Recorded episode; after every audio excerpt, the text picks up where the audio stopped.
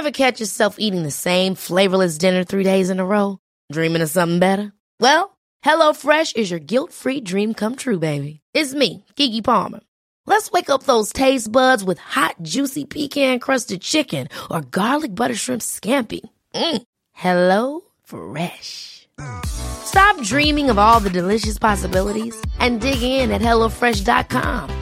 Let's get this dinner party started. Hey, I'm Ryan Reynolds. Recently, I asked Mint Mobile's legal team if big wireless companies are allowed to raise prices due to inflation. They said yes. And then when I asked if raising prices technically violates those onerous two year contracts, they said, What the f are you talking about, you insane Hollywood ass? F- So to recap, we're cutting the price of Mint Unlimited from $30 a month to just $15 a month. Give it a try at mintmobile.com slash switch. $45 upfront for three months plus taxes and fees. Promo for new customers for limited time. Unlimited more than 40 gigabytes per month. Slows. Full terms at mintmobile.com. Hallå! Simon Gärdenfors heter jag och snart börjar min podcast Arkivsamtal. Podden ges ut i samarbete med Acast och med Mafia Comedy Club. Som ger er stand-up fem dagar i veckan i Stockholm. Mer info om det här hittar ni på maffiacomedy.se och på Ticknet. Detta händer snart. Nu börjar det dra ihop sig inför The Anal Calzone World Tour. Det kommer att bli ett gäng sanslösa musikframträdande med far och son. Det vill säga jag och Frej. Plus Joy. Det vill säga Joy Mbata. Och vi ska spela i Malmö den 27 november. I Göteborg den 28 november. I Uppsala den 2 december. Växjö den 3. Norrköping den 4. Och Stockholm den 5 december. Biljetterna börjar ta slut så skynda er att köpa på biletto.se. Det finns biljetter till vissa av ställena. Vissa får man köpa på plats eller hitta på andra ställen. Eh, men ni får inte heller missa tv-programmet Samhällsljud med mig och Frej. Det går på tv just nu och ni hittar det på tv4play.se. Och i vinter så kör jag också min soloshow som stand-up-komiker. En slapp timme. Kul grejer. 18 december i Malmö, 19 december i Edsbyn, 6 februari i Linköping, 20 februari i Stockholm och 5 mars i Västerås. Vissa av biljetterna börjar ta slut där också. Eller folk har i alla fall köpt en massa biljetter till Malmö. Där finns det... Ja, det finns fortfarande biljetter kvar. Men uh, skynda er där. Stockholm, jättebra att vara ute i god tid. Har redan sålt en jävla massa. Så gå in på gardenfors.se för att hitta biljetter dit. Eller googla till exempel en slapp timme Stockholm. Så hittar ni biljettlänkar där. I övrigt så har jag lite andra lösa stand-up-gig i Stockholm och Malmö. Och på min blogg gardenfors.blogspot.com så finns en guide med alla datum och länkar. Följ mig på Instagram och Twitter för påminnelser, skämt och annat skoj. Där heter jag atgardenfors. Nu kommer Arkivsamtal, klippt av den fantastiska Mattias Lundvall. Mycket nöje!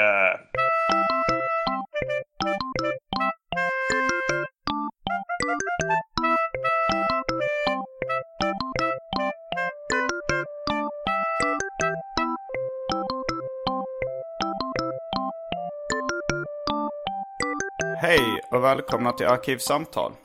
Jag heter Simon Gärdenfors och mitt emot mig sitter Adam Svanell. Stämmer. Välkommen hit. Tack. Du eh, är bakis idag. Lite, ja. Här är ganska mycket. Men du är ändå på gott humör. Ja, jag är på gott Jag tycker att det där med, det finns ju någon sån här eh, f- grej folk brukar säga att man blir så bakfull när man blir äldre. Visst, känner du inte igen det? Mm. Jo, alla jag- säger det så. Tänk när man var 23, man kunde vara ute hela natten och sådär. Och sen, eh, och sen var, mådde man okej dagen efter. Men jag tycker att det jag tycker det är tvärtom. Jag tycker det har gått i vågor för min del. Alltså att bara slumpmässigt. Men jag tror det handlar nog lite om hur, eh, hur bra man mår psykiskt. Ja, kanske det. Travelers high, har du hört talas om det? Nej, jag tror inte det. Det är när man reser och är på så gott humör så blir man inte bakfull. Är detta, är detta så att säga ett eh, konstaterat fenomen genom timmar och timmar av gedigen forskning? Alltså jag har själv, em- empiriska studier har visat för min del att jag inte blir bakfull när jag är ute och reser. Eh, och sen så var det någon som sa att det kunde bero på travelers high. Men jag tror det är kanske bara att man får väldigt mycket så här endorfiner och dopaminer när man är ute och reser. eh, snarare än att det var ihopkopplat med bakfyllan. Ja, jag förstår. Ja, men jag kan känna det. Utan att bli för privat så vet jag, jag har haft eh, upplevelser när jag kanske varit ute mitt i veckan, druckit ganska mycket och hänt, liksom varit uppe hela natten i princip och sen ändå gått till jobbet och bara så här, inte haft några problem. Nej. Förmodligen för att jag har varit så här på gott humör. Ja, kanske ja. varit en liksom eh, omvälvande natt eller så här, eller man bara så här varit med och så bara, inga problem. Ja, okej. Jag, jag försökte fiska lite för privat. Ja. Så jag tänkte så här, det, det där med att dricka alkohol kan inte vara för privat. Nej, det är det väl- måste vara en sexuell eh, Jag anspelning. förstår inte vad du pratar om. Okej. Ja, nej men jag vet inte. Ja. Mm, men du Det där med att säga det här för privat, det är bara dumt. För att det är som att man ber om att de ska fråga mer vad man menar egentligen. Jag tänker på det här, eh, en, rock, en ganska tidig Rocky-stripp. Där eh, Mange då, som är Rockys kompis, sitter och, och uh, uh, gör liksom antydningar så här. Åh, eh, det blev inte mycket sömn i natt. och så så här, nej, nej, nej. Åh, nej, oj, man har ju inte bytt kläder heller. Och det, lite eh, träningsvärk i höfterna. Och, så här, och sen så till slut så orkar inte Rocky längre, så säger han så här. Fick du ligga igår, Mange? Inga kommentarer, inga kommentarer. Jag känner att hela mitt uppträdande här framstod som eh, väldigt fånigt nu efter den här. Ja, men det, det, man, behöver inte, man ska inte behöva känna så mycket skam för sexuella grejer. Det är ju en Nej, kvarleva av... nej, herregud. Jag tänker mer man känner skam för att man försöker skryta om dem i en podcast. Hur länge sedan Att man var det? Ja, jag har ju legat flera gånger faktiskt. Men hur, hur länge sedan var det här det utspelade sig? Ja, men det är kanske inte något år sedan. Det är inte så att det var igår. Liksom. Är det är det som jag tycker gör det ännu roligare. Ja, ja. Men, ja, men det var ju ett exempel du skulle ta upp. Men jag kommer ihåg att när jag precis liksom eh, hade börjat ha sex. Då var det ju verkligen så att det bästa som fanns var ju att när någon förstod att man hade haft sex. jag kunde till och med så här, alltså jag hade klamydia eh, när jag var kanske Och du skröt om det. Ja, det, ja, ja, jag fick in det i, i så ofta jag kunde. Liksom. det betyder att man hade fått knulla. Jag hade ju då haft klamydia, men, och jag fick inte ligga så, så det hade- var ju bara ren otur. Ändå- men jag tyckte ändå det var fett. För, Alltså för att det, jag blev av med det med en penicillinkur. Och sen var det ett kvitto på att man hade fått knulla. Ja, ja okej. Ja, jag förstår. Jag tror också att jag har gjort sån humble brag när jag var yngre också. Man skröt om usch vilket då, vad dåligt sex man har när man har varit full. Typ sådär, du vet såhär att man försökte så, Ja, man försöker ändå få det som att man lägger fram det som något negativt när man egentligen bara vill. Ja, humble brag, det blev rätt eh, pinsamt när man blev konfronterad med det. Jag kommer ihåg också när jag fick mitt första så här, tecknaruppdrag. Ja. Så presenterade, alltså skulle jag berätta om det för, eh, för min kompis som också tecknade. Och då så, så var det liksom lite humble brag eh, aktigt att jag la fram det som att Uff, hur ska jag hinna med den här tajta deadlinen? att det var någonting jobbigt. Men han, han såg ju igenom det direkt. Han sa så, nu la du fram det här som att det är något jobbigt för det. Så. Jag tror i och för sig att jag ofta hamnar i det där för att jag gillar verkligen inte att typ skryta eller sådär. Jag tycker också att det är obekvämt om folk Ja men om folk påpekar så här att man har gjort, alltså jag tycker typ att det, den typen av uppmärksamhet kan vara lite jobbig sådär när det blir som att det blir för mycket fokus på att man har gjort något som är bra eller gått väldigt bra och så. Samtidigt så vill man ju inte att folk ska vara fullkomligt ovetandes heller. Så då blir det ju lätt någon sån konstig, Alltså är det man så? nämner i förbifarten typ så att man ska ha fått eh, Nobelpris i litteratur. typ så här, jag vet inte, det blir liksom, Det har du inte fått. Det, nej, det, nej. inte det. Alltså man, jag identifierade mig med liksom Harold Pinter eller någon, han är på en middag. Eh, Nej. Men han vill ändå ha fram det. Han tänker han är på en middag, det är ingen som vet om att han har fått. Ja, Jag har ett komplicerat förhållande till det där med skryt. Det är ofta sånt jag skäms för också. Att jag ibland har planterat en hel liksom, tråd av uh, ett samtalsämne. Att jag inte kommer in på det liksom, direkt. Men att jag, att jag ser en sån snitslad bana för att föra in konversationen på något skryt. Och att jag känner starka skamkänslor när jag liksom kommer på mig själv. Åh, fy fan, jag har planerat det från början. Nu går alla i mål. Det är helt omöjligt att, att leda tillbaka samtalsämnet här. Jag visste mycket väl om jag skulle komma in på kvisttomater så skulle, skulle det sen eh, leda till att jag fått knulla. Men det är den typen av grejer du skryter om, det är inte så här, ja nu har jag tv-program och sånt utan. Nej, Nu, nu blir det här som en humble brag. Ja. Men ju mer framgångar jag får, desto mindre behov får jag att skryta också. För det kanske är så att då känner jag mig nöjd med mig själv. Och jag, jag vet kanske att folk eh, är medvetna om vissa framgångar. Ja, ja. Så då, då känner jag inte att jag behöver leda in dem på de här snitslade banorna. Med, med en kvisttomat som en start som ingen förstår Nej men jag, jag vet inte varför. Det, det ofta när jag är full också som, som jag, jag... Jag tror att ens bekräftelsebehov kan öka lite på fyllan. Det har jag hört ganska många prata om. Dels någon som sa så här, fan vad folk skryter när de är packade. Och sen också folk som liksom berättar att de gärna mer fiskar efter bekräftelse på fyllan. Liksom, Av olika anledningar. Det kan vara de här primala grejerna. Mm, det låter inte orimligt. Men är det typiskt svenskt, tror du, det här komplicerade förhållandet till uh, skryt och för, alltså jantegrejen? Eller är det bara typiskt svenskt att säga att saker är typiska svenska? Kanske båda två. Nej, jag vet inte. Lite typiskt kanske. Eller det går väl hyfsat hand i hand tänker jag med. Nej, jag vet inte. Uh, nej men det här, är det inte, för det är roligt när man, man hör på tunnelbanan någon som säger så här, Men är det inte typiskt svenskt att hålla på så? Ja. Då tänker man så här, jag har bara hört det i, i Sverige. Ja, Typiskt svenskt, alltså jag, jag tror att det är kanske det mest typiska svenska man kan säga. ja, jo men det är någonting. Också att det är något negativt att vara typiskt svenskt. För i USA är det ju un-American är, är ju när man sviker sitt land. Ja, ja, precis. Alltså jag vet inte. Det kan ju också vara att man bara har dålig koll för att man tillbringat så oerhört mycket mer tid i Sverige. Men, så, men jag håller med dig om att jag tror att det känns som att det finns en sån riktig... ehm, Att man älskar att dissekera det svenska och så diskutera vad som är svenskt i Sverige och verkligen... eh, Men jag vet inte, det är också det där med den här, men det är ju inte, ingen ny spaning, men det, alls, men det här med i Sverige att man har den här så låtsas internationalismen. Alltså att man är så supernationalistisk egentligen fast man låtsas inte om det typ. Att man växer, ja, men så man växte upp med bara så en känsla av att så, Sverige är bäst. så, fan vad vi bara... Sådär, att vi var så, man verkligen blir intutad i typ skolan, typ så. Ja, vi är bäst på allt här i Sverige. men det är ingen Vi- som vi gör så- någon stor Ja, grej. Men, men, ja, precis, men, vi, men vi är inte, vi är inga som slår oss på bröstet bara för det.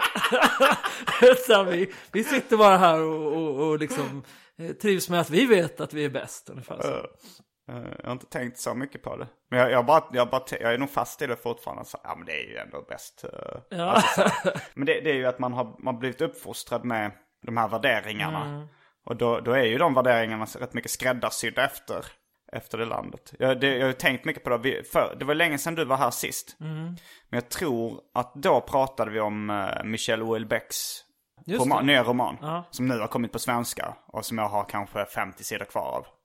Men där, där, det är rätt mycket det att, att eh, Frankrike blir ett uh, muslimskt samhälle. Ja. Och att det är ganska bra. Alltså så här, det, det känns som det är inte så, så jättes, det, det är inte så omvälvande förändringar. Det är lite så här, han trivs rätt bra med det. Men, men det, det har jag tänkt på ganska mycket det här med att hade jag vuxit upp i en islamistisk stat så hade jag förmodligen haft de värderingarna också. ja, ja, det är klart. Och då hade jag tyckt det här var fel som svenskarna lever. Liksom tyckte det var löjligt och dumt bara. Eh, Men, men någonstans med den uppfostran jag har nu så känner jag att ja, men det här är ändå objektivt rätt.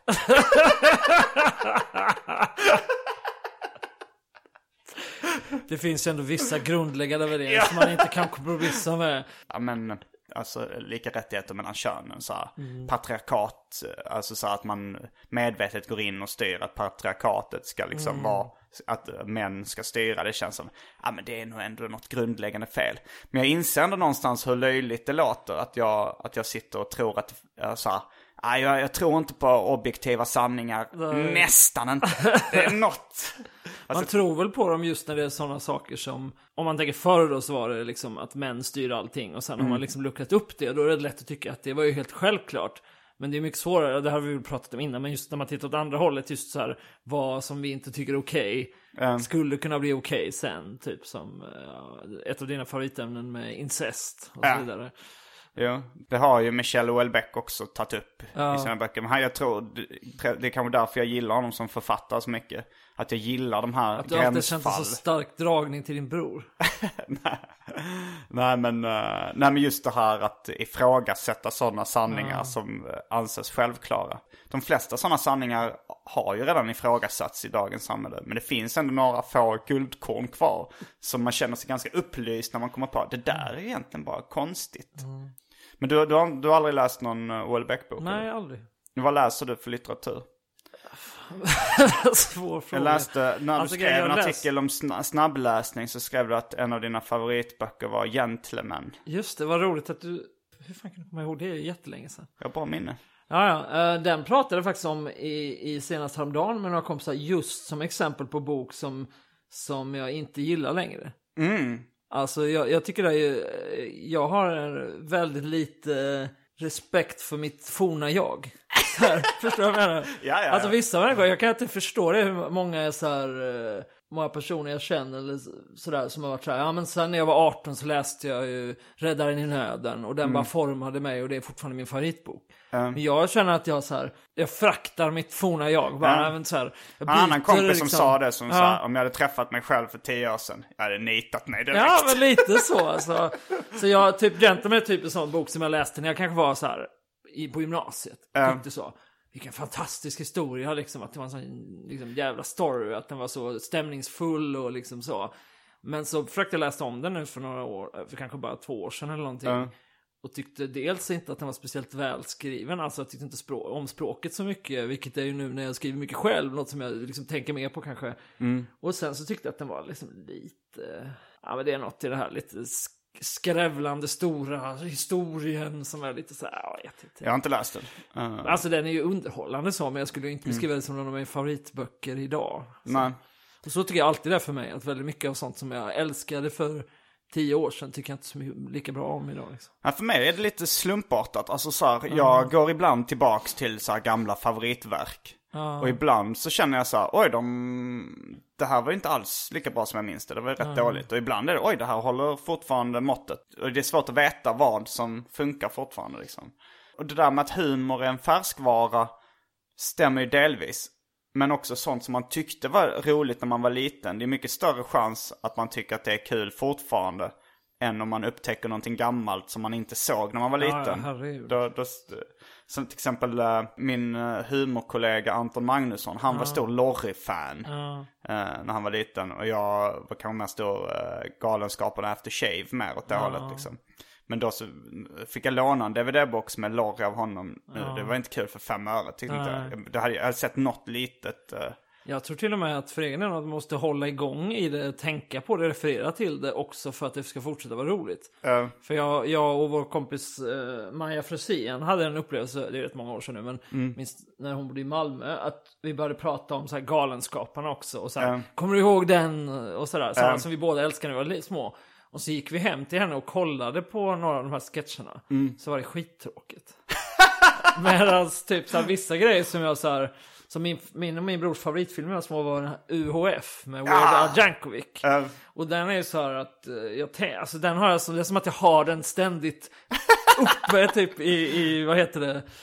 Cashminnet typ, eller vad heter det? Ja. Nej men det är så här att liksom eh, när vi var i, i Los Angeles häromåret, jag och min bror, så sa han efter några dagar så Nu är det femte gången du refererar till UHF Du vet man har vissa sådana kommentarer inpräntade som man typ säger och så som vilka kommer. UHF-kommentarer? Ja men eh, då var det till exempel att vi gick in på något konstigt ställe som såg lite skumt. Så sa jag Look, it's a friendly place. Som han säger när de går in på den här skabbiga tv-stationen. Första gången dörren bara står öppen så. Och sen var det väl något med Spatula City typ. eh, Som är den här. Det är ett skämt om Ja, ja. att de är en affär som bara säljer steksparar. så, What better way to say I love you than with a gift of a spatula? Ja, jag, jag har bara sett den filmen en gång, Ja, men, jag ja, okej. men jag tyckte den var jävligt bra. Ja, jag Eh, jag, jag minns mest Conan the Librarian. Ja just det. Där eh, Co- Conan då är bibliotekarie och klyver någon som lämnar tillbaka en bok för sent i mitt.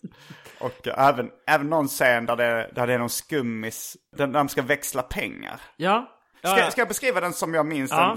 Först som liten. Den är med flera gånger liksom. Eller det är exakt samma scen som jag refererade i början. När de kommer första gången till tv-stationen där på natten. Bara, Han har då alltså, Weird Al Yankovic har ju fått ta över en tv-station som hans morbror har vunnit på poker med par i sexor. Eh, Bara för att visa hur värdelöst det är liksom. Så. Eh, och då så kommer de dit på kvällen, han och hans flickvän, och så står dörren bara öppen typ. Så det känns som att det är så här en, bara helt övergivet, en damp liksom. Och då så kommer den här snubben gående. Skämtet är väl att det kommer fram en tiggare och säger You got change. Ja, Och då så tänker man, har du småpengar? Och sen så är det egentligen att den här tiggaren vill växla en större sedel Ja, till, till mer pengar. Det är ju det riktiga skämtet. Men som jag uppfattade när jag var liten, vilket jag tyckte var ett genialiskt skämt. Det är så här, att det var så skum och hotfull stämning. Så kommer det fram någon som jag tänker då ska råna Weird Al Yankovic. Eh, och så säger han do you got change för att han ska ta upp plå- plånboken. Så att han ska kunna springa iväg med den. Ja. Men sen bara växlar han den och lämnar tillbaka. Så jag tänkte så här, det, det blev bara sån antihumor-grej. tänkte jag. Att de byggde upp för att något så dramatiskt skulle hända. Sen bara hände ingenting. Nej, det var när jag såg om det skämtet, äh, filmen för kanske fem år sedan som jag förstod skämtet. Liksom. Ja men det är en ordvits också, change. Ja, precis. Han säger så. Jag tror att det är så här, han kommer då och säger you got change och så säger han no, no, no. Och sen kommer han flera gånger liksom i olika ställen, you got change. Och sen i slutet då så är det någon som bara faktiskt, ja, ja, här är lite mynt. Och så tar han den och räknar ihop och så kommer han med en jävligt skrynklig sedel bara, one dollar! Och så liksom ger han honom den. Men varför planterar de det skämtet många gånger För jag fattar ju skämtet, det är rätt kul. Men att Ja, de, poängen ska bli riktigt, riktigt rolig när den kommer. Weird Al Yankovic, hans föräldrar dog. Har du hört om hans föräldrars död? Nej. Hans föräldrar hittades döda. Jag tror han blev kallad till förhör. Det här, det här är liksom, mina källor på det här är inte så jättepålitliga.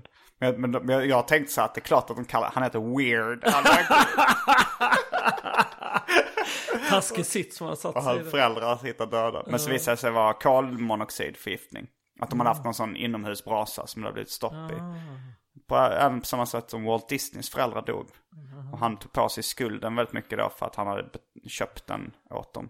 Lite som Kanye Wests mammas fettsugning som hon dog av som han hade betalt för också. Nej, det är sant. Ja, det, allt detta är nytt för mig. Eh, Men jag tänkte på det här med att lära, som vi snackade om att läsa litteratur. Det, lite är det väl så att um, DVD-boxen, jävligt omodern referens. Netflix, Netflix-pumpandet har ersatt litteraturen rätt mycket.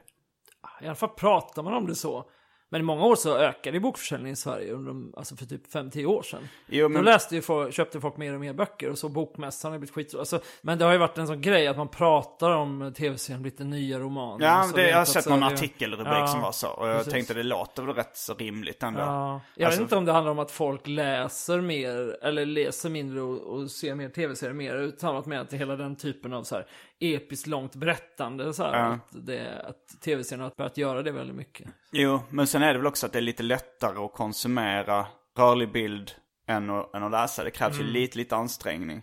Och jag, jag tycker det är ganska få, när jag var yngre eller så här, så var det ju fler som jag kände som läste böcker. Eh, och det är väldigt få som gör det nu, tycker jag. När man går in på Pocket Shop eller någon butik och, och, och så här, man ser eh, Jonathan Franzen eller hur det ska uttalas. Att de skyltar upp det som liksom det är den nya stora stjärnförfattaren. Jag har bara hört en kompis som är liksom litteraturintresserad eh, prata om honom. Och så här, ja men det är bra grejer. Men annars är det så här, ett gemene man vet nog inte vem det är riktigt. Nej, fast jag tror det säger kanske minst lika mycket om dina referensramar. För jag menar, Pocket Shop fanns inte ens för typ 10 år sedan eller 15 år sedan. Nej, för men- det är ju något som har kommit när man sänkte bokmomsen och folk började köpa mer pockets och böcker och sådär. Det var väl ändå mer än tio år sedan uh, Pocket Shop fanns. Kanske fem, men det För fanns ihåg inte när vi var barn. bok... liksom. Nej, inte när vi var Nej. barn. Ja, men jag, jag, jag upplever det nästan tvärtom tror jag. För när jag var yngre så umgicks jag ju mer så här ja, musikersvängen och så. Där Mm. folk inte läste så mycket. Och nu när jag jobbar så här på kulturredaktion så är det umgås med folk som läser svin mycket. Men, Men, det är ju mycket du- så att det som, det som säljer mest på Pocket Shop och sånt det är absolut inte Jonathan Franzen. Utan det är Nej. ju liksom eh, Camilla Läckberg och, och Mm. E.L. James. Varför skyltar de upp eh, med Jonathan Franzen så mycket? Är det hans förlag som har betalt pengar för det då? eller? Jag vet inte, kanske att de vill locka både de som köper Mm. eh, 50 Shades of Grey och sen även folk som är lite mer... Har du läst Franzen? Ja. Gillar du? nya. Ja, absolut. Mm. Det- Den här nya boken verkar kanske inte lika bra, men... Vad läser du just nu då?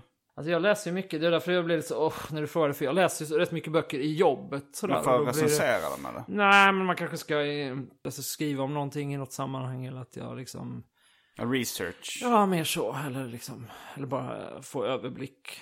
Nu läser jag i och för sig, jag har med mig nu i väskan, eh, Kalle Linds bok. Jag ska, den ska jag recensera. Högerhumor. Ja, precis. Mm.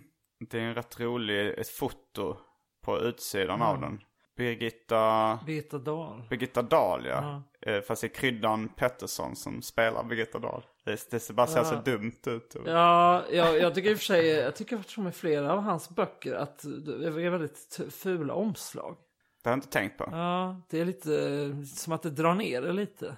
Jag tyckte det var rätt snyggt den högerhumor utsidan. Men jag tycker att det liksom hela, nu ska jag inte så här, nu ska jag skriva om boken så jag ska inte, Mm. jag, jag har inte läst långt i den heller men jag tycker hans humor är lite så här torr och lite lågmäld så på något sätt. Mm. Jag tycker inte det går ihop med de här lite så blajiga omslagen som, som Ah. är lite så här, ja, nog om detta. Ja, han, han har en bra podcast i alla fall. Har du hört, lyssnat på Snedtänkt? Ja, absolut. Det är grymt. Nu har det blivit dags för det omåttligt populära inslaget Välj drycken.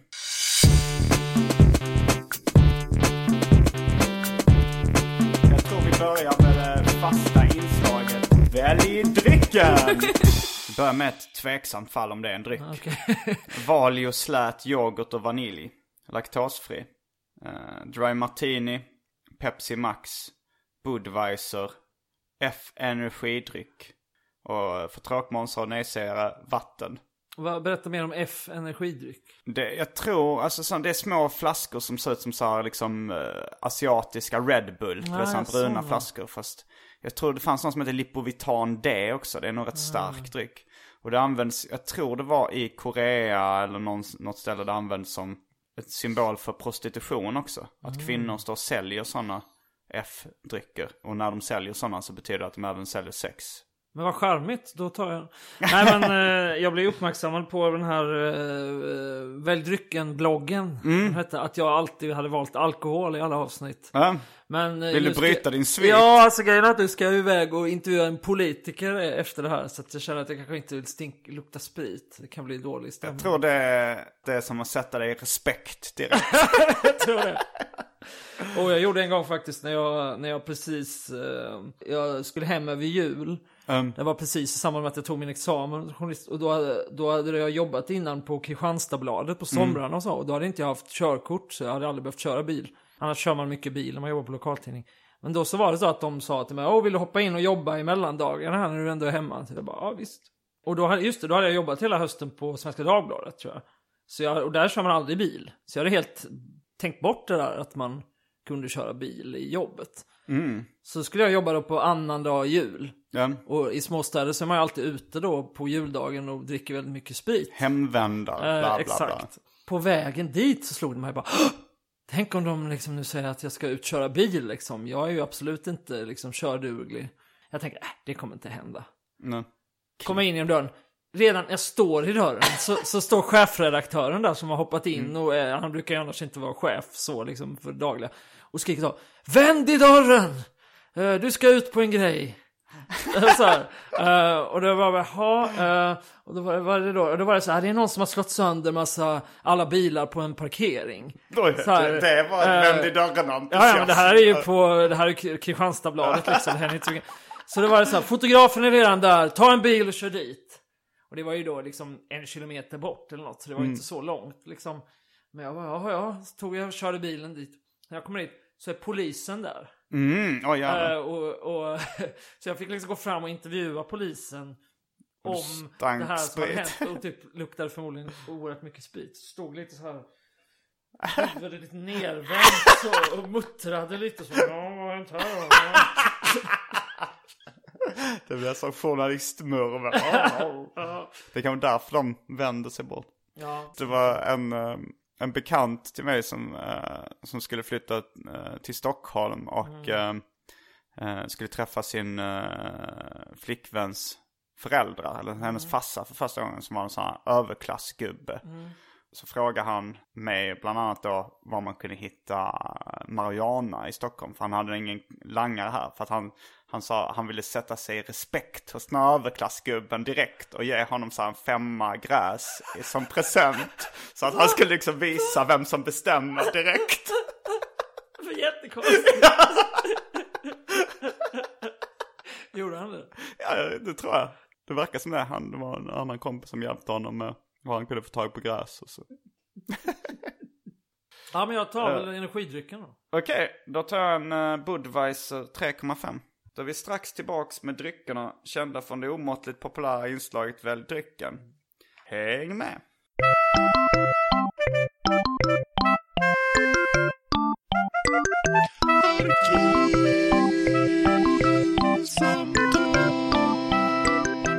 Tillbaks med dryckerna kända från det omåttligt populära inslaget Välj drycken.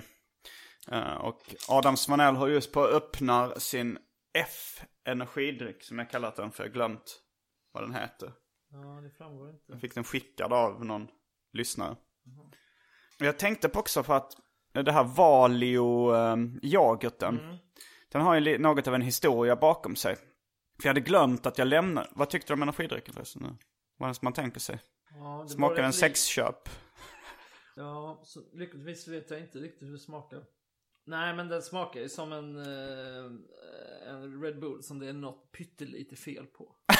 det är någon kon- konstig bismak. Lite, lite fittsaftig. Mm, det måste vara. Men uh, Valio laktosfri. För att jag hade helt glömt att jag lämnade lyssnaren. Jag vet inte om man kan kalla det en cliffhanger. Men grejen var Jag att, tycker det, man ska vara generös med att kalla saker en cliffhanger. okej.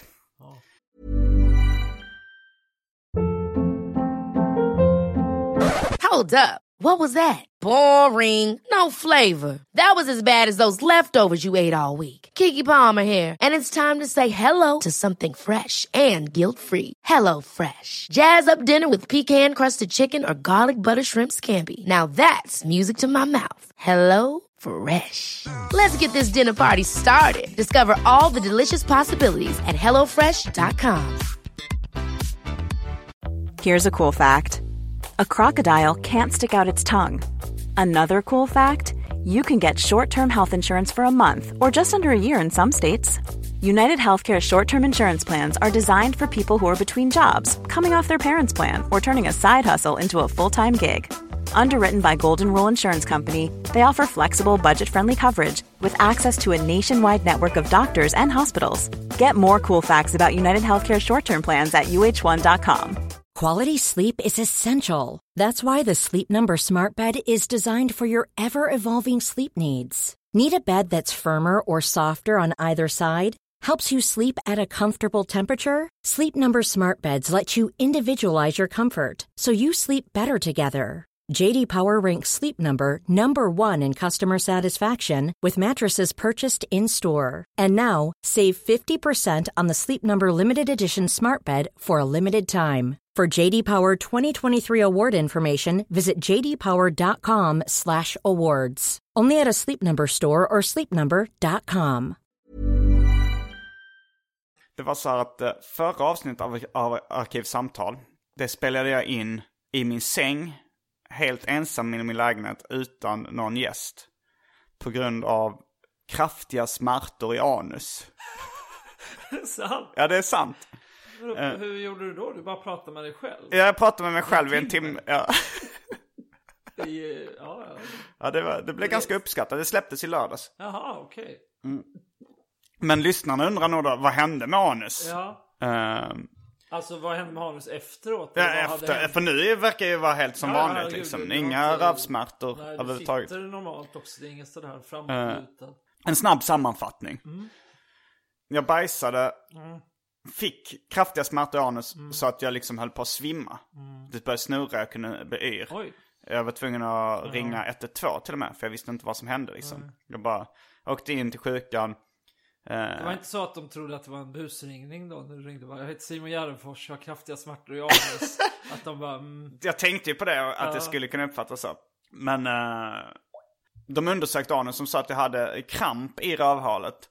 Och eh, så de kunde liksom inte riktigt, han kunde inte riktigt få upp fingret så långt. För att jag hade kramp i ringmuskeln.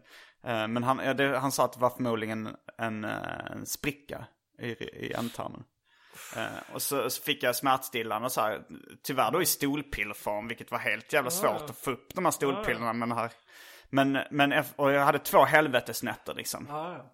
Kanske skulle vilja påstå att jag aldrig haft så ont i hela mitt liv. Oj då. Eh, Vad förnedrande att det var just i anus. Ja, det var det verkligen. En av de här dagarna så spelade jag in den här podcasten. För jag låg ändå bara i sängen och kunde inte röra mig så mycket. Eh, Så jag spelade in den här podden där jag gick igenom vad som hade hänt. Ja, ja. Sen dagen efter det, då började det kännas lite bättre. Men jag hade ju skjutit upp bajsandet. Ja. För jag såg inte fram emot det. Och jag hade ätit lite, det- där kom yoghurten komma in i bilden. Jag köpte laktosfri yoghurt för att jag ville inte påskynda några andra magproblem. Du vet, laktos kan ju vara lite känsligt. Och man skulle äta någon slags pulver eh, som ser ut ungefär som grus liksom. Eh, för att då man skulle bli lite lösare i magen, eller inte hård i magen i alla fall. Och det skulle man, det skulle man blanda i yoghurt då, då. Och jag tänkte det var en rätt bra grej för att inte bli för bajsnödig heller. Men eh, dag tre så kunde jag inte hålla mig längre. Och då bajsade jag. Och då efter ett tag tror jag det här krampen i anus släppte lite. Jag fick även någon rektalsalva. Så efteråt då så skulle jag smörja in, då skulle man liksom ta det på ett finger och köra upp i, i häcken. Och när jag körde upp fingret i häcken då kände jag någonting vasst där. Något vasst. Ja, eller det var lite olika små flisor liksom. Och då drog jag till mi- minnes. På lördagen hade jag ätit en pastasallad. Ja. Som partykungen i Gävle bjöd på. Vi uppträdde på något sånt event de hade. Och eh, då var det liksom blåmusslor, de här skalen. Eh, Så var det en, skär, en, en, en stor skärva från en sån blåmusselskal. Som hade fastnat i mitt rövhål. Du vet att man inte ska äta skalen Ska, ja, jo, det vet jag. Jag kände väl så att oj, det krasade till lite i tanden när, när jag åt. Och då, men då tänkte jag att det är väl bara förmodligen en liten, liten skärva. Jag, jag är ganska glupsk av mig. Jag bara vräker i mig. Vi har ju pratat om Gardenfors syndrom och sånt innan. Jag bara vräker i mig. Men det, det, var, det, var, det var dels den stora skärvan som satt fast. Men det kom ju även ut lite, ja, lite mindre skärvor. Och det var de som då förmodligen hade rivit upp mig inifrån. Och, och satt kvar där och liksom. Så det är jävligt skönt att det är över i alla fall. Men vad hände sen? Slet du ut den då? Eller den kom med liksom avföringen? Det kom några småflisor med avföring. Men sen så kände jag att det var kvar en lite större skärva som satt fast liksom. Jag förde helt enkelt upp eh, två fingrar i anus och lirkade ut den. Slutet gott, allting gott. Ja, och det var ju, men, men samtidigt så är jag fortfarande lite i det här ruset av att Åh fy fan vad skönt det är att inte ha så jävla ont hela tiden. det är bra. Ja. Det är väl lite sån här, eh, någon slags uh, livscoach-grej. Att man ska bara kunna njuta av att man är frisk. Som man väldigt sällan kan göra liksom. Det, här, det kanske inte är, jag ska inte säga alla rullstolsburna. Men man har ju hört den här. Om jag bara hade vetat att jag skulle hamna i rullstol, då hade jag uppskattat den här tiden jag hade innan jag hamnade i rullstol.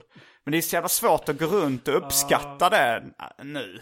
Ja, det är svårt. Och samma sak innan jag, om jag bara hade vetat att jag skulle få en, en blåmussla i röven. Då hade jag uppskattat tiden innan jag hade, och efter. Men du, har, du har ju mycket tid kvar efteråt nu och går runt och uppskattar detta i många år, tänker jag. Ja, förhoppningsvis.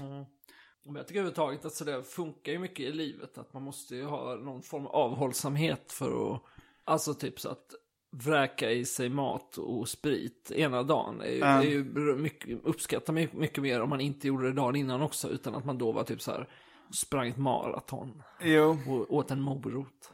Vem är det? Det- Det är väl ett klassiskt citat så här, för att kunna uppleva riktig glädje måste man också uppleva riktig sorg. Just det. Jag vet inte vem det är, men det är någon. Vi säger Rousseau. Det är förmodligen Descartes. det Någon jävel. eller så är det Mia Törnblom. Inte, men... Det är ett nytt citat. Men det, jag ifrågasätter det lite grann. För jag tror att eh, om du växer upp på ett rumänskt barnhem Ja. och blir eh, piskad till sömns varje Ja. kväll och så vidare. Och sen så liksom kommer till trevliga omständigheter. Ja. Då tror jag du är lite förstörd. Jo men precis. Att det är ju den här riktigt- grejen med ja. det som inte dödar dig gör dig starkare. Det var ju Nietzsche som sa. Mm. Men, eh, nej men det är ju också sant i någon, någon viss mån kanske. Att så här, men inte, absolut inte över hela linjen. Det är Nej. ju, det är ju absurt att någon ens kan tänka det om man tänker så här, aha men de som var i Auschwitz, de kom ut och bara var liksom... Nu är det över! "N- Nu ska jag leva livet. Nej men... Jag tänkte nej. på den sketchen med Varan-TV. Eh, när det är någon som har suttit. Vilket läger är det han suttit i? ja, men det är, Kreml. Det är väl typ... Men det är ju Ja, inget koncentrationsläger. Den Gulag. Ja. och sen så är det så här att eh, porristen säger men nu är det över och tar fram lite konfetti. Ja, och, är det inte Kalle Röv som är Jo, jo, journalisten då? exakt, exakt. Eh, men jag tänkte att förmodligen, jag skulle nog gissa på att när de kom på den sketchen så, så var det nog eh, Auschwitz från början. För det känns som det är en, en, en go-to Ja, eh, men att det var referens. för kontroversiellt. Ja, jag tror nog det. Jag kan fråga dem, jag, har faktiskt bokat in en intervju med två killar från Varan-TV. Jaha, vilka då? Alltså jag, grejen är att jag kan inte så mycket om Varan-TV. Och Det är uh, inte han David Sundberg vad han heter som nu... eh, gjort Boy Machine. Jo, det är dels han. Och sen är det också eh, Magnus Thomsson. Det också. Men var du Varan-TV-fan när det gick? Eh, ja, lite var jag väl det. Eller jo, det var jag absolut. Första säsongen som gick, då var jag väl typ 13-14. Då Mm. minns jag att det var väldigt, tyckte det var extremt roligt. Dels så kom de väl samtidigt lite som uh, Killinggänget. Att de konkurrerar lite på samma planhalva, det gör de inte? Lite, det var lite senare, men jag minns att, Kil- att det var typ, jag tror det var Anders Lokko som sågade dem jättemycket, att det var helt värdelöst och sådär. Där han är i samma... Ja. Och journalist. Ja, men, eh, nej jag vet inte, det tror jag, jag tror, eller kanske jag ska såga dina gäster här, men det är en sån grej som jag känner att det kanske inte skulle vara så kul att se om. Alltså grejen är att jag har ju mest sett det i vuxen ålder. Ja, Och jag har inte, har aldrig varit en Killinggänget-fan. Nej. Så jag skulle nog säga att Varan-TV är bättre än Killinggänget. Jag kommer och även ha, Hen- eller Henrik Schyffert har tackat ja att vara gäst i Arkivsamtal.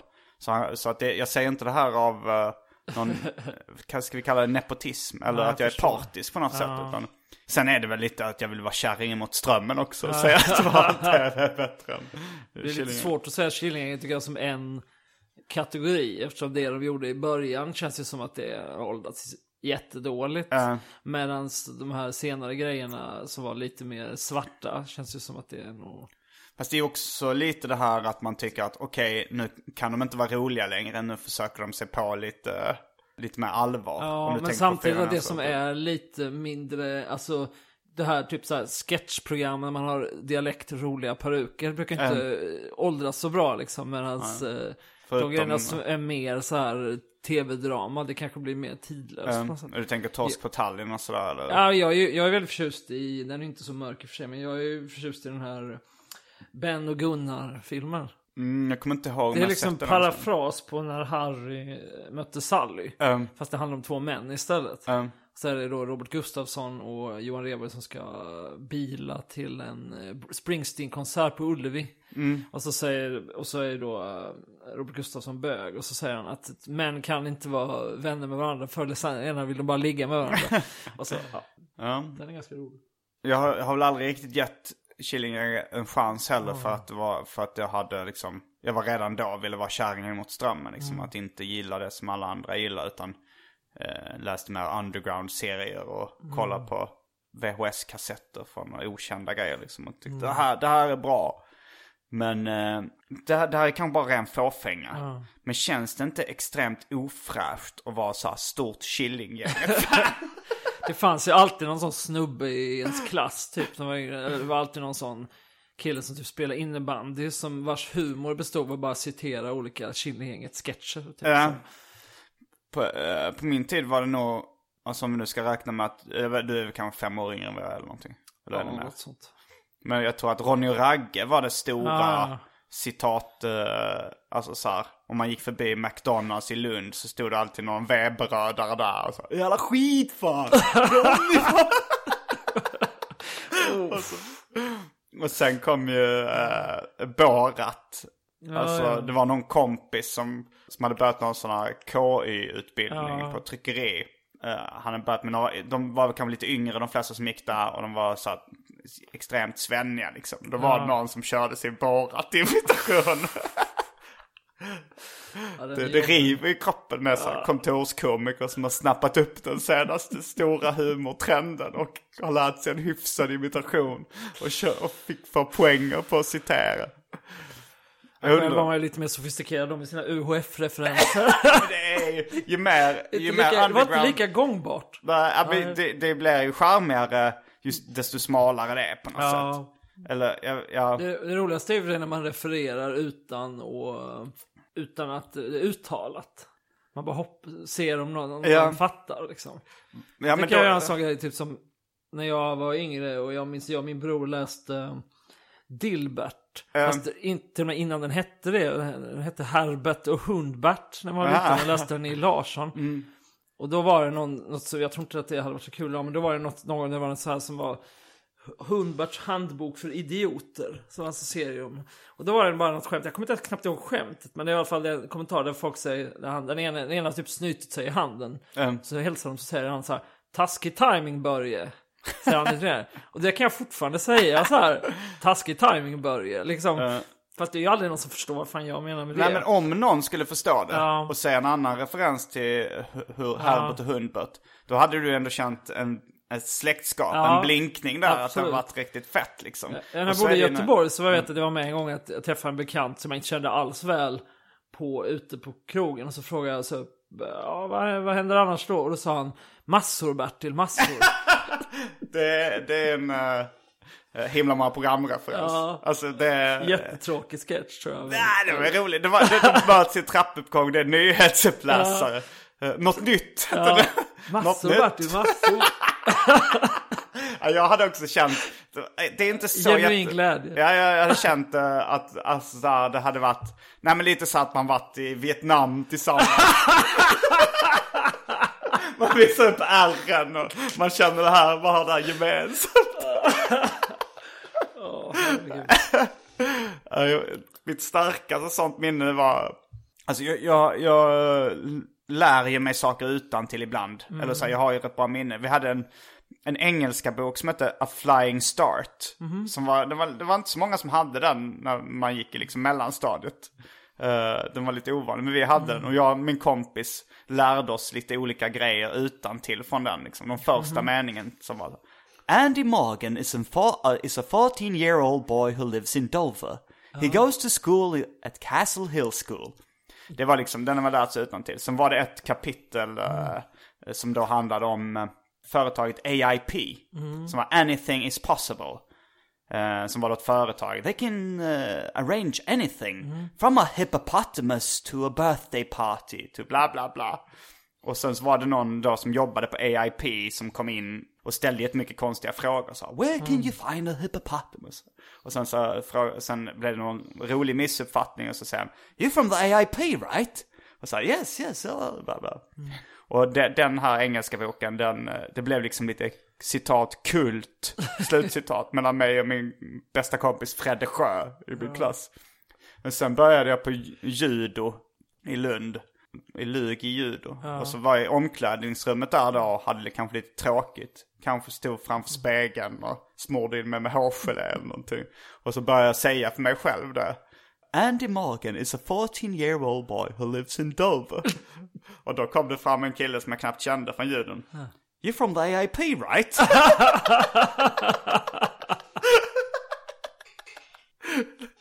Ja, det Då var det respekt. ja. Sen dess har, ni, har du inte släppt hans blick för en sekund. Ja. Annars då? Jag, jag lyssnade på vägen hit på eh, som uppvärmning på Mm. något tidigare avsnitt. Det var när, när Maja Asper Lind var här. Ja, Ni pratade om eh, hennes dejtande. ja. Men då tyckte jag, då blev jag nyfiken för att då slängde du dig till Maja så här. Kör du Tinder och sånt? Och så bara började hon berätta. Men Ja. du liksom fick aldrig... Nu har ju du tjej och så, men jag blev så Mm. nyfiken. Jag bara tänkte, jag vill höra, har Simon Gärdenfors varit ute på, på Tinder? Nej, jag har faktiskt inte det. Alltså Tinder dök nog upp någon gång tror jag. Jag kommer inte ihåg om jag var singel när det dök upp eller inte. Men eh, jag kommer ihåg, jag pratade i ett tidigt avsnitt om med Aron Flam där han hade testat Tinder. Och då, då var jag så här, att jag kanske funderade på att testa det vid det tillfället. Men det var, det var, det var ändå en spärr jag skulle behöva gå över. Varför det? För att eh, jag är uppvuxen i en värld där det är lite smutsigt. Ja, ja. Där det är på samma nivå som kontaktannonser lite. Som att sätta in en kontaktannons i Sydsvenskan. Det, det, det skulle vara förknippat med rätt mycket skam. Men, men nu hade jag nog kunnat göra det. Alltså om jag varit singel nu så hade jag nog inte haft några större problem med det. Själv då? Eh, Jag har provat det lite. Mm. Du, är, jag har fått intrycket av att du är singel nu igen. Nu är jag singel. Visst, Mm. visst, visst. Eh, du hade ett ganska långt förhållande. Inte så jättelångt. Okej, det var det kanske men, eh, Nej, nej, men det... Men du har tindrat? Jag, jag har provat detta, ja. Ja. Absolut. Är det någon jag har till och har med känt- skrivit en artikel om det faktiskt. Är det? Var intressant när jag, när jag började provade detta lite Mm. i somras så började fundera om jag så här, det blir ju lätt så när man håller på och skriver hela tiden, att Mm. man så här, saker man upplever att man så här på något sätt om, eh, att man tar upp dem i sånt man skriver. Jo, men det var lite det som Aron Flam hade också, att han sa att så här, men som stand-up-komiker kan man alltid se det som research Ja, ja. för en, och du kan alltid se det som research Ja för en artikel. så. Liksom. så har var det roligt också att jag började titta så, men vad finns skrivet på svenska ku- kultursidor och tidskrifter så här, Mm. om, om Tinder och nätdating och så. Och då hittade jag väl inte, sen har det skrivits mer under hösten, men då hittade jag väl egentligen två artiklar. Som den ena var skriven av min senaste exflickvän och den andra av min exflickvän tidigare innan det. Alltså dina två Ja, ex exakt. hade skrivit om Jag Tinder. har skrivit två artiklar var tror jag till och med. Åh, jävlar. I ämnet nu. Och Så du då ska var jag också- tvungen att skriva något också ju, för att Ja. liksom väga upp. Så. Men hur har du, hur är din upplevelse av Tinder? Alltså, jag har inte använt det sådär jättemycket, men jag, eh, jag tycker att eh, Är det någon som har känt igen dig från Arkivsamtal? inte vad de har sagt i alla fall. Nej. När jag, när jag började fundera på det så tänkte Ja. jag så här, tänk om det här är ett sånt där, någonting jag missar. Ja. Alltså så här, ungefär som att man går på sina vanliga lunchrestauranger. Och sen finns det någonting som är så jävla mycket bättre.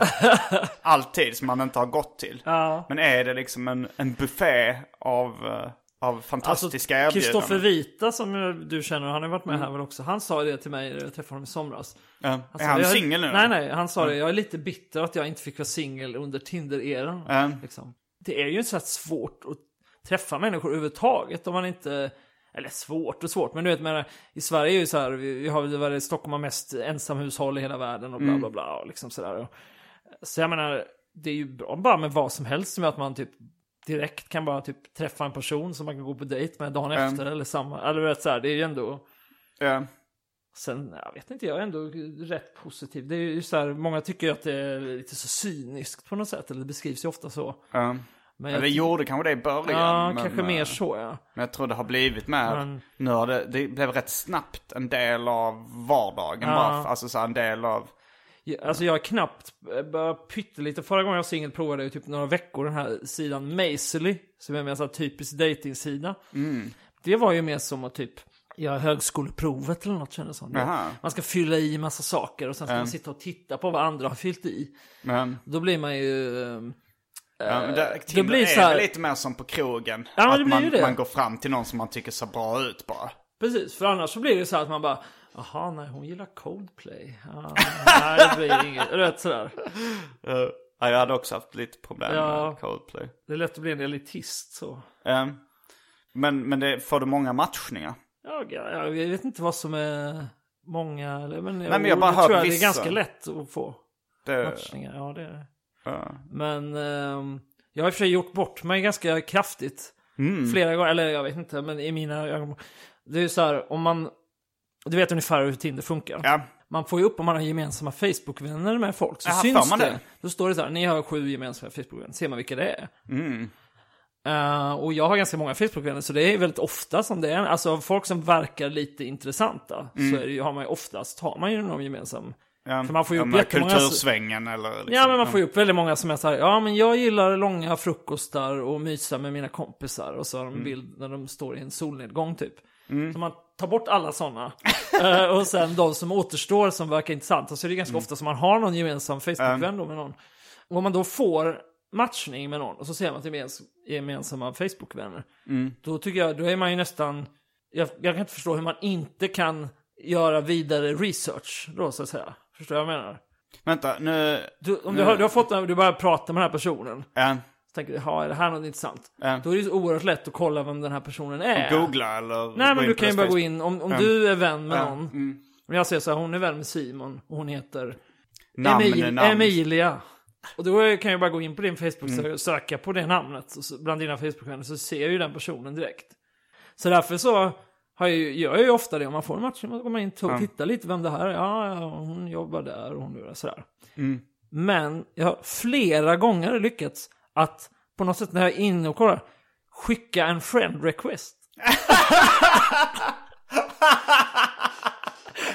så helt stört. Tänkte att så här, du får upp någon där. Man bara, ja men här skickar något, skriver hej hej eller skickar du en glad gris eller eh, något liksom. Mm. Och den personen svarar kanske. Och sen bara fem minuter senare, friend request. Det är lite psycho det är lite psycho mode. Ja. Och du kan tänka dig stressen jag upptäckte det här. Då Ja, ja, ja, typ ja. hemma i sängen och bara lite kolla lite, vem är det här? Och sen, Men det är många som har och sen en timme det. senare så går jag in på Facebook så står det bara så. Personen frågar har godtagit din friend-fråga. Nej men jag har gjort det två Fast då gånger. är det ändå rätt bra. Alltså om de har godtagit det så är det ändå lite... Ja, alltså jag har gjort det två gånger. Um, Och då har ju de godtagit den frågan. Så det har Mm. inte liksom, men de måste ju ändå tyckt att jag var sjuk i huvudet. ja. Men det kan ju ha hänt ännu fler gånger bara att de har sagt nej, för då får man ju inget meddelande. Eller hur? Om någon Eh. säger nej till en Jaha, vänsterfråga, då ja, ja, nej, det får man inget- nej. Jag kan gå och suttit och bara... Men hur, hur... Är det för att du gör det från mobilen och att Ja, du råkar? exakt. Ja, det är farligt. Ja, nu har jag bestämt att jag inte får göra det mer. Att du inte får göra vad? Kolla upp folk i mobilen. Ah, du får göra det på datorn i Ja. så fall. Mm. Eh, men uh, ifall någon lyssnar av Arkivsamtal vill, vill gå på en dejt med dig. Då är det ju svårt. Då måste de hitta dig på Tinder då. Ja, fast... Eh, de kan ju skriva till dig på Facebook. Ja, jag, jag det är inte tänkte så på... att, att jag är liksom resten av mitt liv är åtskilt från... Jag håller mitt dejtande till, fe- till Tinder. Nej men för jag, jag tänkte på, eh, alltså det närmaste jag kom Tinder. Ja, Det var eh, för det, det var i den här skarven Ja. liksom innan jag hamnade i ett förhållande och eh, Tinder ändå hade dykt upp på arenan. Då satt jag på en, en bar med en bekant ja, som jag var intresserad av. ja. Och hon hade just blivit singel och uh, satt med Tinder. ja. Och så sa hon så här, ska inte du skaffa Tinder? Så jag, nej jag vet inte riktigt. eh." Och så, så kollade vi lite så här, hur det, visade hon lite hur det funkar och så här. Och så, så frågade jag så här, men vill du att jag ska skaffa Tinder så att jag ska liksom dyka upp där så att du, du kan, vi kan gå på dejt via Tinder? Så här, ja, det steget kan vi ju hoppa över. Ja, jag blev ju lite besviken att du inte, jag såg fram emot att höra om dina er, erfarenheter. Ja. Nej men då så, så hånglade vi lite då. Men jag tror att hon prioriterade några av eh, sina Tinder-dates som hon hade hamnat lite längre med. Det gick inte, gick inte så bra. Jag förstår, jag förstår. Nej men ehm, hur många, hur många så har du träffat på Inte så jättemånga faktiskt. Alltså jag tänker att det är mer... eh, I det här, jag hörde ju när du och Maja pratade så pratade ni om så här att när man går in i perioder Ni tyckte att det beskrev det som positivt, typ så här. Man går in i en period när man inte liksom Man är mer upptagen med sitt, eh, sina hobbys Så man inte är så ute och typ försöker bli ihop med någon, ligga med någon hela Ja. tiden, typ så Men jag, jag kan ju tänka mig att jag, när jag var yngre så hade jag jättelånga sådana perioder. Som nästan omed, ofrivilliga sådana, att man bara så här. Ja, att man koncentrerar sig på annat. Ja, ja, men det hade vi bara också. råkade liksom. bli så. Så. Ja. så jag tänker det är bra med så här när man håller på med sånt här så är det som att man eh, akt, fortsätter aktivera hjärnan typ så. Aktivera hjärnan med... Nej men bara att man fortsätter vara en, eh, eh, tänka på sig själv som en, en eh, attraktiv varelse som, Mm. som är öppen för förslag. Förstår du vad jag menar? Jag förstår halvt om halvt. Nej men liksom att man, Att du- eh, att- om man är där du typ, inte så, så liksom- är man lite, har man liksom sin radar på. Så. Ja, sin Så hetrodar. Lättare, lättare, lättare, precis. precis sin, så, vad skulle det heta? Hetrodar. He- Ja, gaydar. Ja men jag menar, ja. Ja men precis, att då är det lättare och då träffar man fler folk utanför det Ja men också. så är det ju när man kommer in i groovet. Ja. Liksom. Jag vill inte använda sådana ordval. men, ja. Man tänker sant. någon som är i groovet, någon som Ja. så jazzar in i, i en sån här mingelparty. Lite Ja. tuffar fram som ett tåg med en draja i handen och ena ögonbrynet. Och så har man den Stayin' Alive-musiken i bakgrunden, Bee Gees. Ja, jag men- tror det hade funkat. Ja, Tänk men dig nu att det tuffar fram som ett tåg. Exakt, så så är mitt liv. Ungefär. Så är det. Ja. Nu Men, måste jag eh, skriva ytterligare en artikel för att komma i fatt de här två var som, som mina ex har skrivit till. Ja, den finns i fem artiklar i ja, nu har kommit några till här under hösten. Okej. Om, eh, Alltså av... eh, ja, Som... men typ Roland Paulsen skrev DN och så. Nej men nu ska vi ändå dissekera. hålla det till den här, eh, Till den här knullfesten som vi kallar Adam Svanells tidigare förhållanden. Eh, men vad har det varit för vinklar på dem liksom, de artiklarna? Ja men det har varit så här, men det har väl varit mycket just att man beskriver sina egna erfarenheter och... Men vi säger, min, min senaste ex-flickvän är ju med i eh, senaste rummet av eh, tidskriften Granta. Vill du nämna namn? Nej det behövs inte, de kan man kan väl googla sig fram till den här kunskapen om man vill. Okej, ja. Um, men, eh, och det har ju temanumret eh, tema 6. Okej, ja. Så det är ju alltid en spännande, när man fick det pressmeddelandet så. Mm. Eh, ja, eh, hon skriver en, en självbiografisk text på tema 6. Oh, ja, okej. ja. Blev- vad Figurerar du i... Nej, jag har ju läst den nu och jag figurerar inte, så det var ingen, Är det- ingen, fara. Eller? Det var inte... Det hade. Om hon, skrev, om hon nu har legat med dig väldigt mycket senaste tiden och du inte figurerar. Ja, för sig, det kanske handlar om men hennes singelperiod. Den handlar just om Tinder, det handlar om hennes singelperiod liksom. Um, och det stod ingenting. Jämförelse med Adam Svanell. Äntligen eh, eh, tillfredsställd. Ja, nej, nej, det gjorde inte det som sagt tur var. Men det var, jag var väldigt snabb med att beställa ett recensionsex på den där tidskriften när jag såg det. Uh, Bara, det här verkar spännande, kan ni skicka över ett recensionsexemplar snarast? uh, men det har aldrig varit någon speciell vinkel att det är bra eller dåligt eller? nej, kanske snarare att det var dåligt tror jag. Men jag har ju kompisar nu som... eh, jag har en kompis som liksom har ett långt förhållande med någon han har träffat via Tinder. Eller f- två, två pers. Det verkar vara rätt eh, lätt. Men jag har nog... Vid Facebook har jag träffat folk via. Jag har den bilden av dig när du är singel, att du är bara så här. Att det är lite den här Stayin' Alive. Du bara, du bara glider fram och det är liksom nya romanser varje vecka typ. Så. Sen jag blev berömd. så har det varit så. Men jag har ju också haft de här långa liksom, eh, perioderna när man bara läst serier och spelat Commodore 64 och att det inte ens funnits i, som ett alternativ liksom. Och det var innan internet då också. Det var, Ja. Vad skulle jag göra då liksom? Eh, nej men också de här ganska oändliga kvällarna. Eh, bara gå ut på liksom Carmen eller Kvarnen. Och försöka, alltså målet då var ju rätt mycket, eller så, man ville ju väldigt gärna Försöka ligga med någon liksom, eller hångla eh, eller bli ihop med någon liksom. ja. Men det, det var ju så här hundratals kvällar det var, verkligen inte ledde någonstans. Nej. Och det, det var ju ganska frustrerande och Ja. rätt trist. eh. Nej men i och med att jag började göra, började synas i me- massmedia Ja. och sådär. Och, och, och att då Facebook eller kanske till och med MySpace. Nej MySpace-perioden var det nog inte, var, jo lite kanske flörtar hade jag då.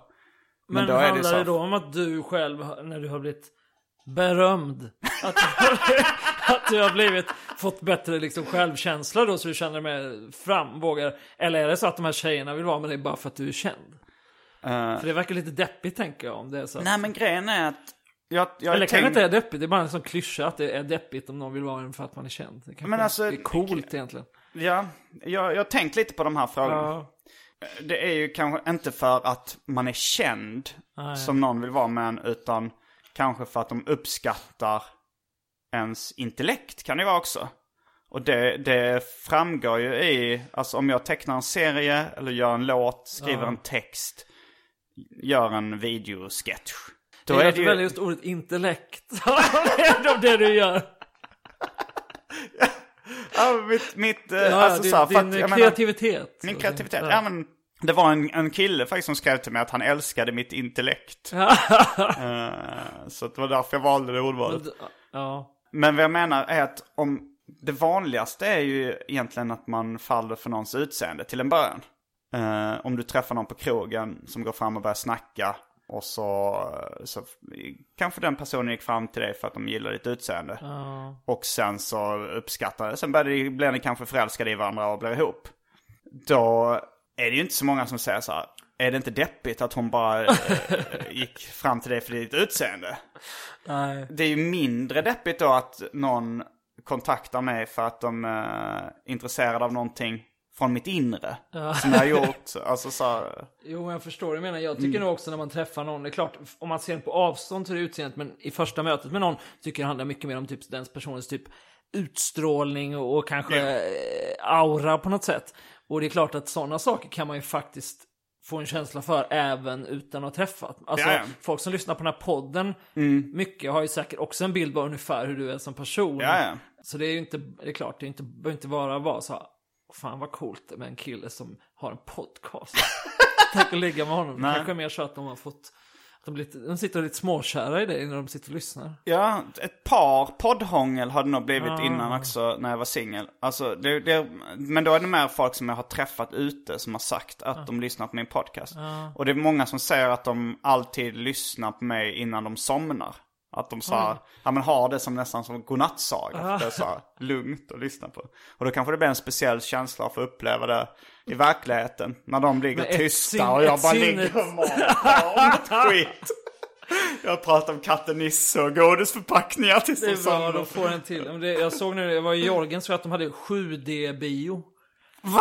Det var så här... Sju dimensioner. Det, det var liksom lukt och så såg man på bilden att det så rann vatten under. Jag vet inte om det gjorde det på riktigt, men att det var som att det var ett hav och så sköljde in. Jag tänkte att det blir lite samma grej, att de får fler dimensioner av Järnfors liksom. Det finns ett Cinema 4 där. Då har, har de väl tid som är en av dimensionerna också. Eh, jag tror det är det som räknas som den fjärde dimensionen i, Hur då, i tid? datorprogrammet Cinema 4D. Jag vet inte, det blir bara patetiskt om jag bara pratar om 7D. Det- Det är ungefär som när KRS-One pratar om hiphopens nio element. Jaha. Eh. Vilka var det då? Ja, alltså de klassiska av hiphopens element. Det, det är patetiskt redan när man börjar prata om Är det hiphopens fyra element. dricka en Ford i baksätet och sånt? Är det Alltså, ett element? Nej men KRS-One, alltså de klassiska är rap, graffiti, breakdance och uh, DJing. Ja. Men han då hä- hävdar även att prata med slang, ha hiphop-slang, ha på sig hiphop-kläder, sälja grejer. Street entrepreneurship som man kallar det. Vad som helst. Man lägger upp sin gamla soffa på Blocket. Det är street entrepreneurship. Ja, vad, ja, det låter, ja, vad var det mer då? Det måste vara ännu fler. Jag kommer inte ihåg faktiskt. Alltså KRS-One är ju en...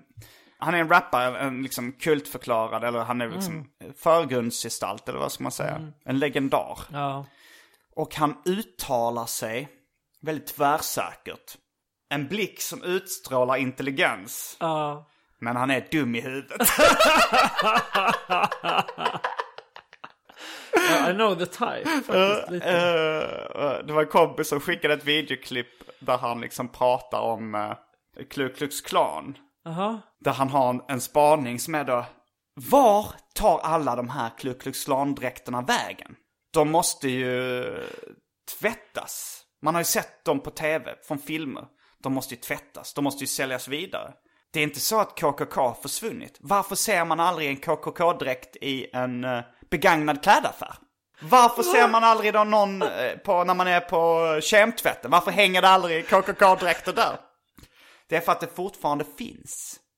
De ärvs ner och så. Han har en extremt vag spaning och så korkade argument.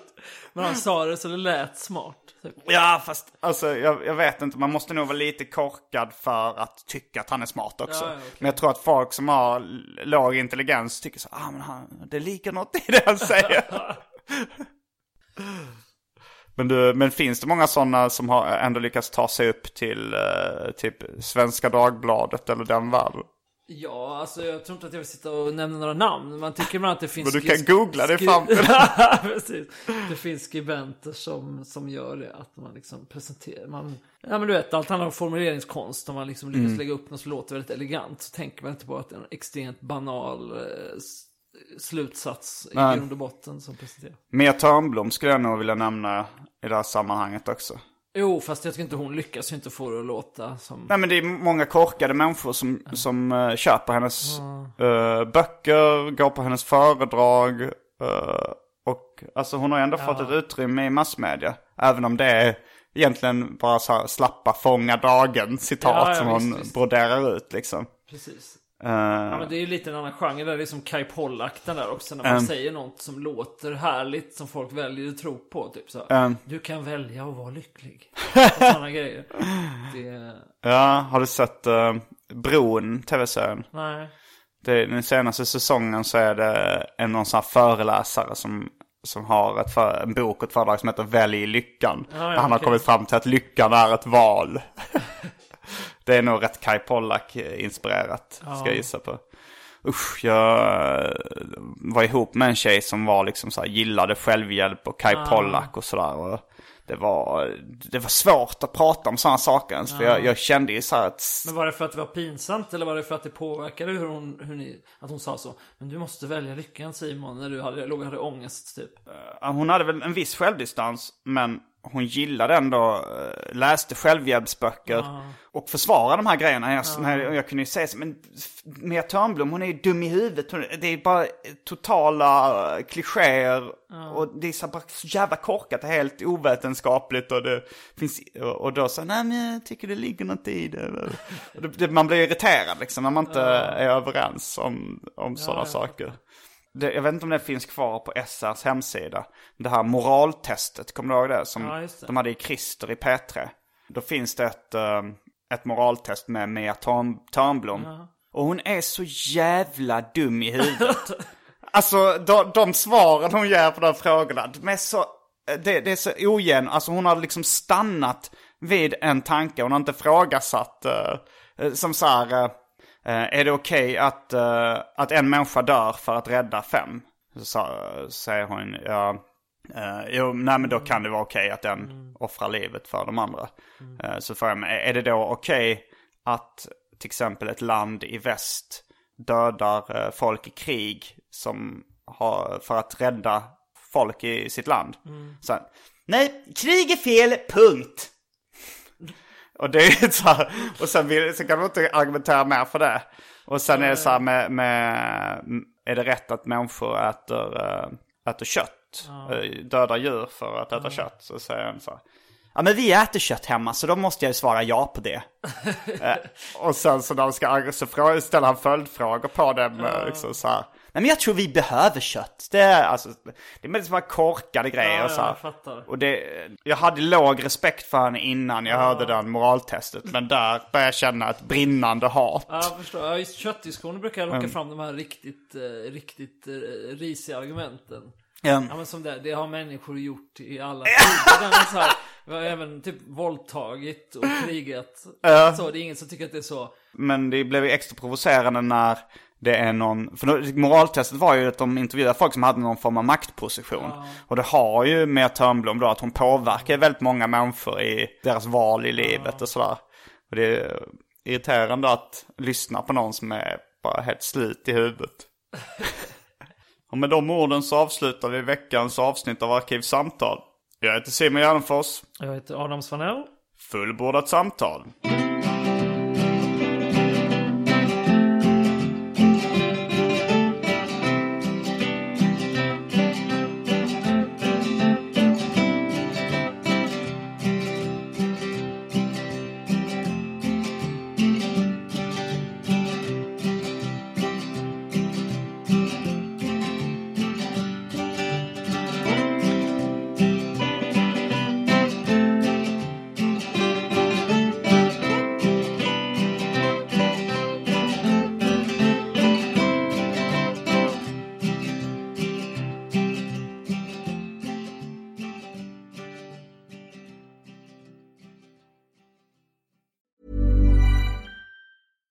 Catch yourself eating the same flavorless dinner three days in a row?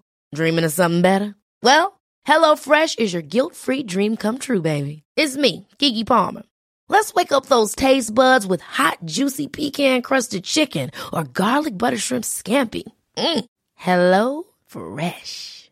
Stop dreaming of all the delicious possibilities and dig in at HelloFresh.com. Let's get this dinner party started.